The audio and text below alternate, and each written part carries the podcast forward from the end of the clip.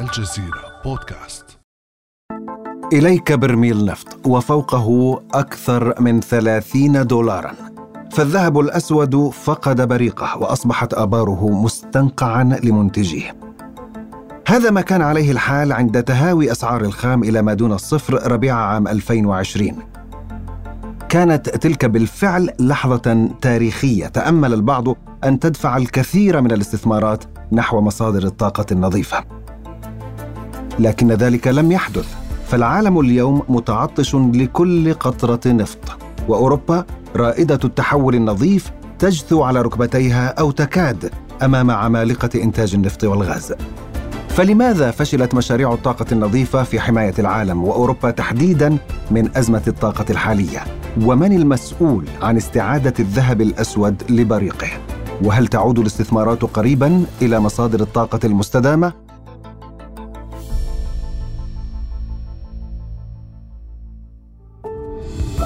بعد أمس من الجزيرة بودكاست. أنا عثمان أي فرح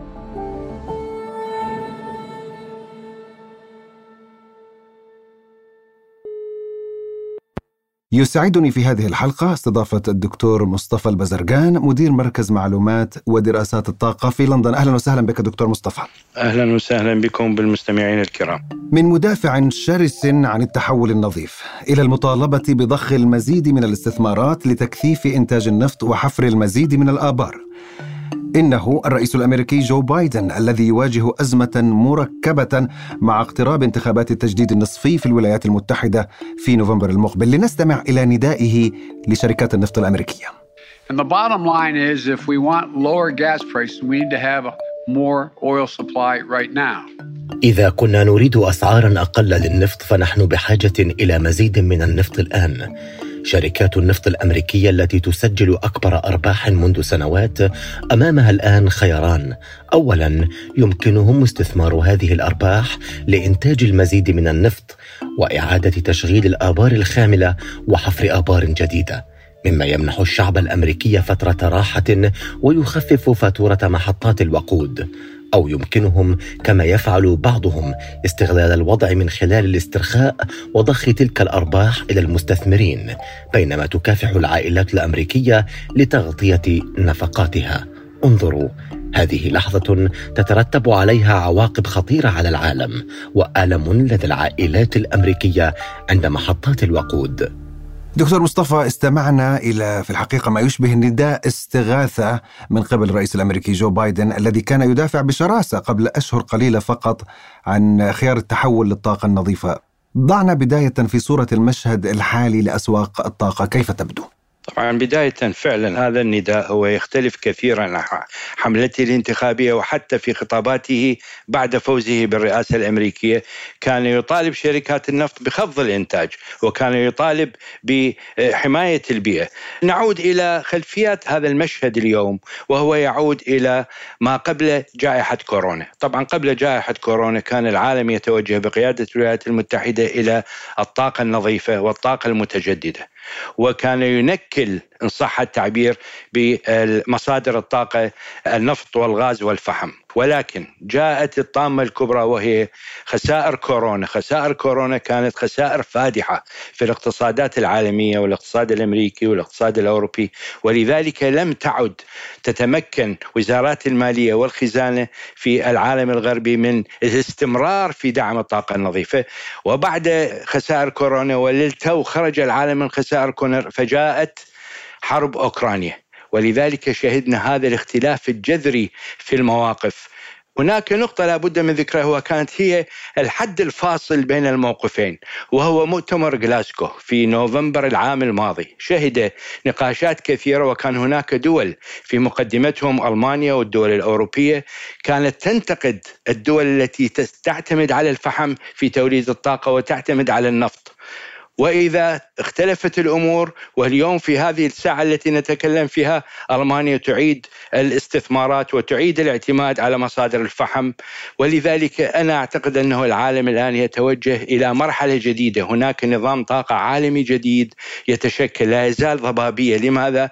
لأنه تأثيرات حرب أوكرانيا أخذت جزءا كبيرا من هذه الصورة ولكن لننتظر ونرى. يعني فعلا كما يقال ضربتين في الراس توجع موضوع كورونا وأيضا الحرب الأوكرانية. ولكن هل يمكن أن نقول أن هناك تفاوت في التأثير يعني ألمانيا مستوى تأثرها كان بنفس مستوى تأثر الولايات المتحدة على سبيل المثال أم في تباين في التأثير؟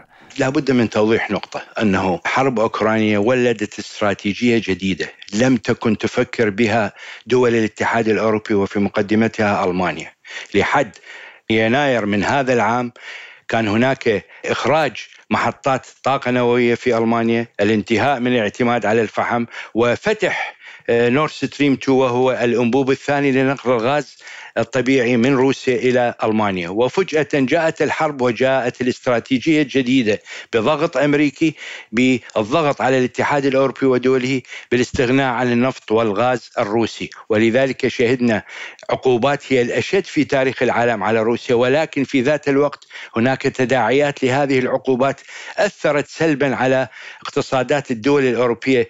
بالذات وفي مقدمتها ألمانيا من المستفيد من الوضع الحالي؟ هل يمكن نقول إنه روسيا، المنطقة العربية، منتجين النفط الولايات المتحدة الأمريكية؟ سؤال جميل، المستفيد الأكبر من هذه ما يحصل هو الصين. الصين اولا تخلصت من اقتصاد قد ينافسها ومنافس سياسي. هذه نقطة. النقطة الثانية هذه المواجهة بين الغرب وبين روسيا الكل خاسر فيها. صحيح هناك درجات خسارة. الاقتصاد الروسي يخسر ولكن اليوم الاقتصاد الأوروبي يخسر. ويغوص إن صح التعبير في الركود الاقتصادي وفي مستويات تضخم لم يشهدها الاقتصاد منذ 40 عاما. المستفيد الوحيد والأكبر هو الصين وحصلت على نفط وغاز روسي بتخفيضات بين 30 إلى 35% وبالتالي هذا الإنهاك للاقتصاد الروسي والإنهاك للاقتصاد الغربي هو لصالح الصين. إنهاك للاقتصاد الروسي ولكن لا تتفق معي إن هي ورقة ضغط قوية بالنسبة لروسيا موضوع الغاز؟ صحيح ورقة ضغط قوية ولكن دعني أوضح نقطة لو انتهت حرب أوكرانيا يوم غد ولكن الاستراتيجية يعني مع انهاك الاقتصاد الروسي ستستمر. خلال الستة أشهر الماضية شهدنا تصريحات كثيرة ومواقف. هناك مواقف مختلفة بين الولايات المتحدة الأمريكية وبين الاتحاد الأوروبي. هناك مواقف مختلفة ضمن دول الاتحاد الأوروبي. على سبيل المثال المتأثر الأكبر من العقوبات على النفط والغاز الروسي هي ألمانيا. فرنسا تعتمد ب 70% على الطاقة النووية تختلف عن إيطاليا تختلف عن إسبانيا. هذه جميعها أثرت على الاقتصاد الروسي وأثرت على الاقتصاد الغربي ولكن يظهر أن هناك استراتيجية لابد من الاستمرار فيها. وشهدنا أنه تصريحات رئيس بايدن قبل يومين في زيارته لدول الخليج قال بالحرف الواحد لن نترك الشرق الأوسط أو منطقة الخليج تسيطر عليها روسيا أو الصين. وهذا يدل على أن هناك استراتيجية بعيدة. المدى رغم الألم كما وصفه الرئيس بايدن في حديثه لدى الأسر الأمريكية ولدى الأوروبيين أيضا ألا ترى أن منتجي النفط الكبار وشركات النفط الأمريكية تحديدا ربما تكون من أكبر المستفيدين؟ نعم بالتأكيد. يعني لا ننسى أنه قبل حرب أوكرانيا ومع بداية هذا العام هناك أكثر من 200 شركة للنفط والغاز الصخري أعلنت إفلاسها، هناك تراكم في المديونية، لماذا؟ لأنه لم يصل أسعار النفط إلى مستويات تحقق أرباحها خاصة بعد سنتين من كورونا. وهذه أثرت، هذه نقطة، النقطة الثانية كان هناك توجه للإدارة الأمريكية الجديدة يعني برئاسة بايدن بخفض الإنتاج النفط الصخري والغاز الصخري. لماذا؟ لأنه بسبب البيئة. واليوم تغيرت الأمور. ولذلك نشهد هناك إعادة توجيه للاستثمارات في قطاع النفط والغاز. الرئيس بايدن تحدث عن زيارة المملكة العربية السعودية وقمة جدة هو قال في تصريحات أنه ليس ذاهبا ليطلب زيادة إنتاج النفط ولكن عمليا وحقيقة ربما هذه أحد العوامل التي ربما جعلته يذهب إلى هناك رغم كل الاختلافات المعروفة. صحيح.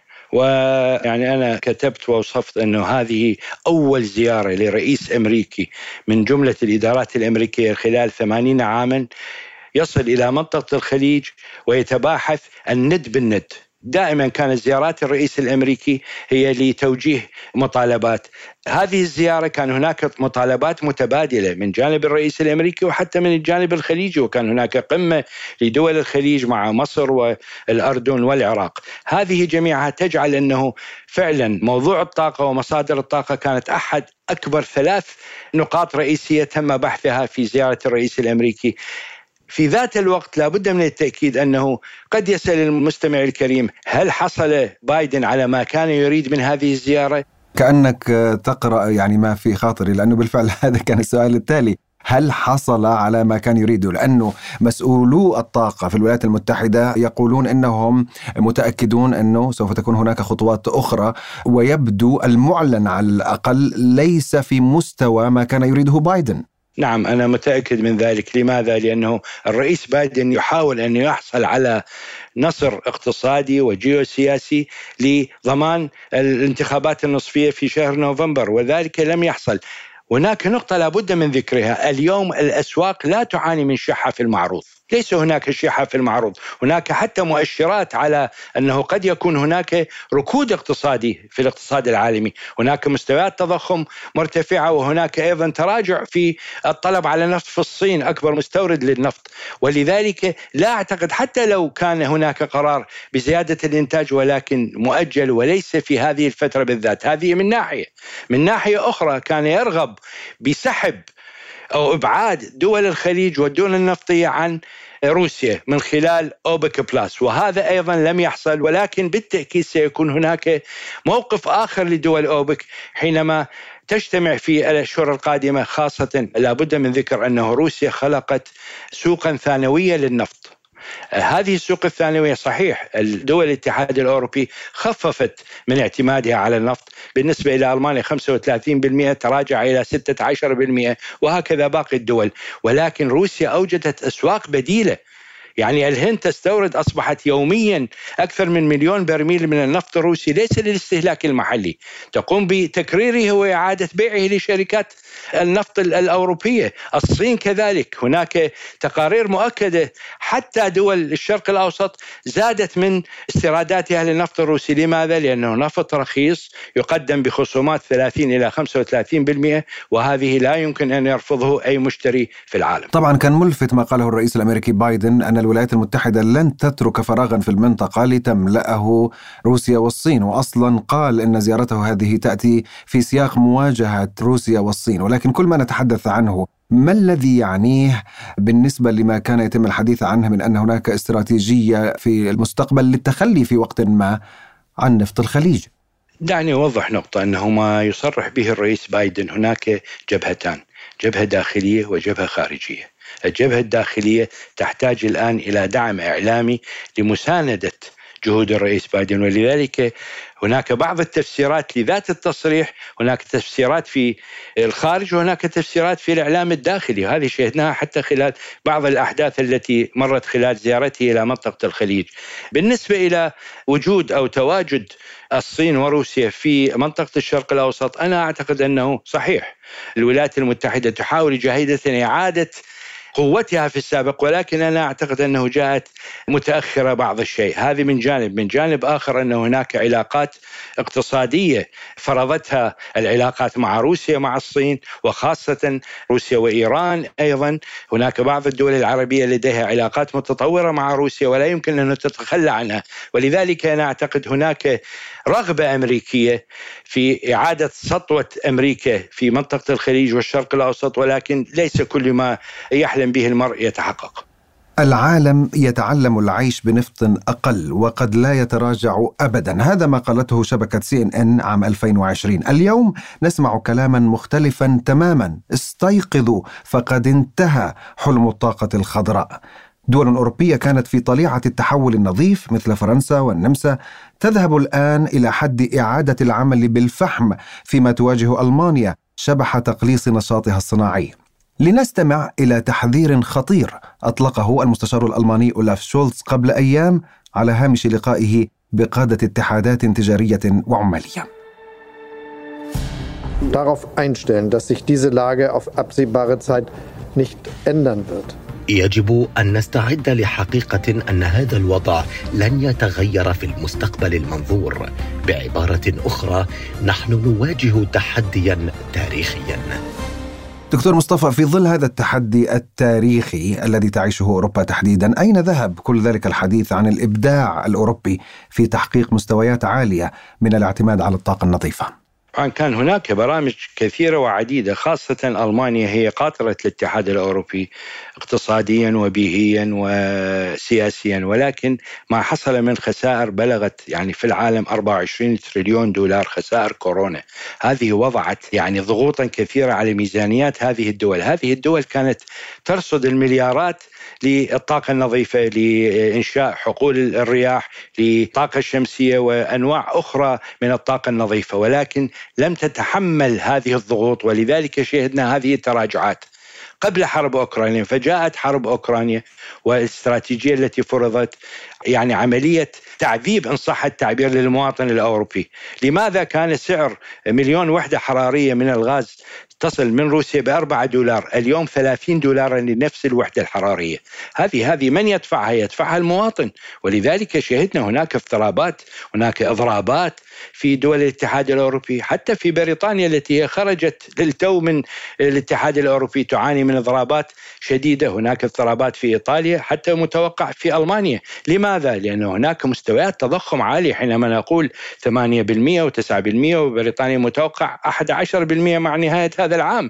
هذه مستويات قياسية تجعل المواطن ليس له إمكانية كما كان في السابق بالرفاهية التي وعد بها. هذه من جانب. من جانب آخر هناك توقعات بركود وحينما ينضم الركود إلى التضخم يكون هناك حالة خطيرة اقتصادية وهي الركود التضخمي بمعنى حتى علاجات التضخم لن تنجح بوجود الركود الاقتصادي. وهذا الذي يجعل أوروبا الآن في عمق الزجاجة.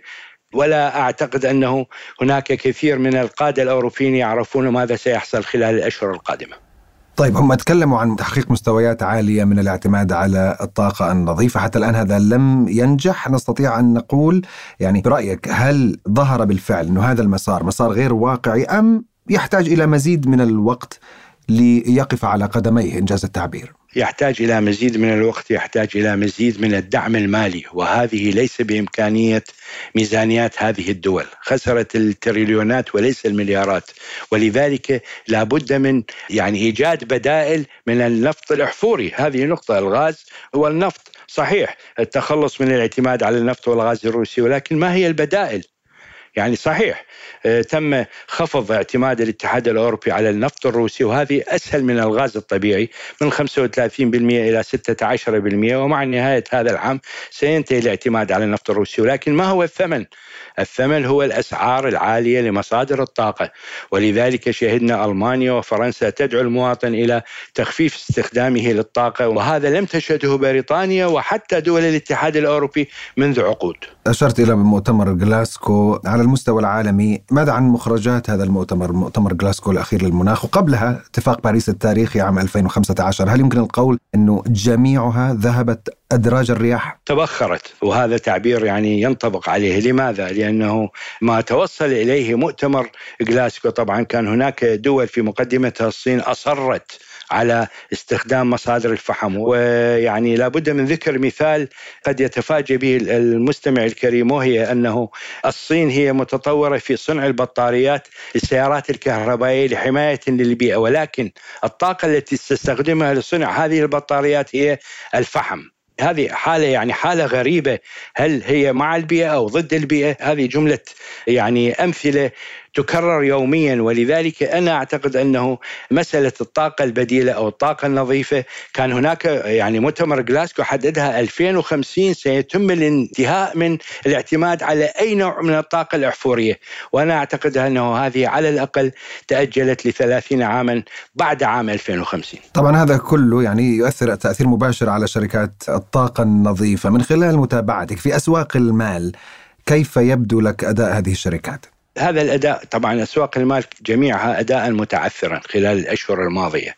هذا يعتمد على حجم الشركات واستثماراتها، لماذا؟ لأن هناك بعض الاستثمارات ممكن أنه تتطور في الاتحاد الأوروبي وحتى في بعض الدول العربية، يعني هناك دول خليجية مستمرة في تنويع مصادر الطاقة وبالتالي الميل إلى الطاقة النظيفة، ولكن هل يقارن ذلك ب المشاريع التي كانت موجودة والإنفاق الذي كان قبل ثلاث سنوات لا أعتقد أن هناك وجه للمقارنة ابدا. أخيرا دكتور مصطفى دعنا ننتقل إلى استشراف المستقبل، ما هي في رأيك السيناريوهات الرئيسية لأداء أسواق الطاقة التقليدية في المدى المنظور؟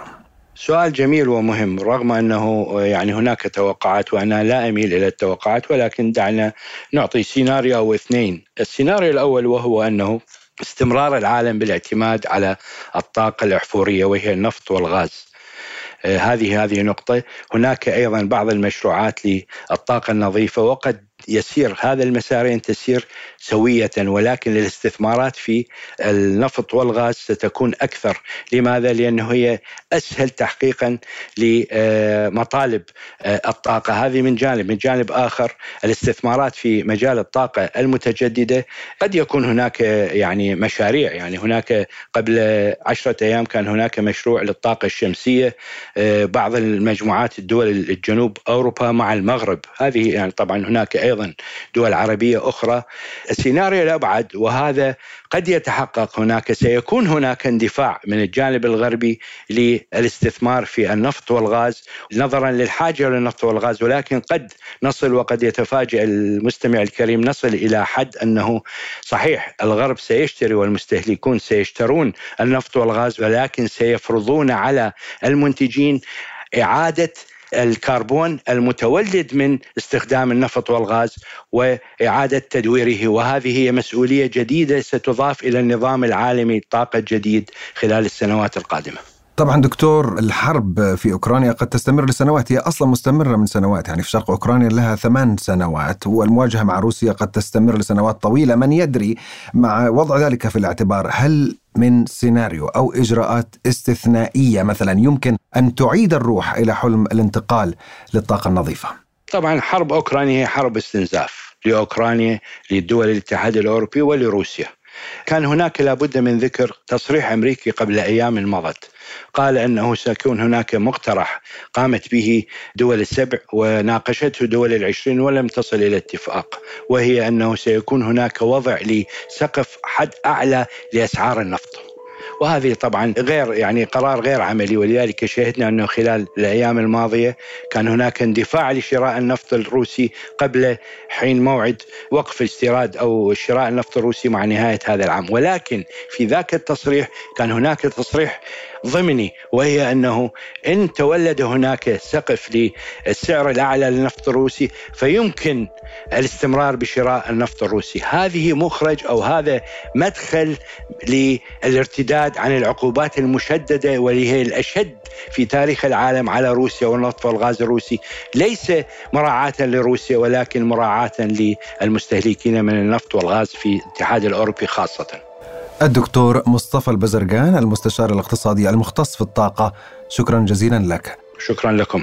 كان هذا بعد أمس.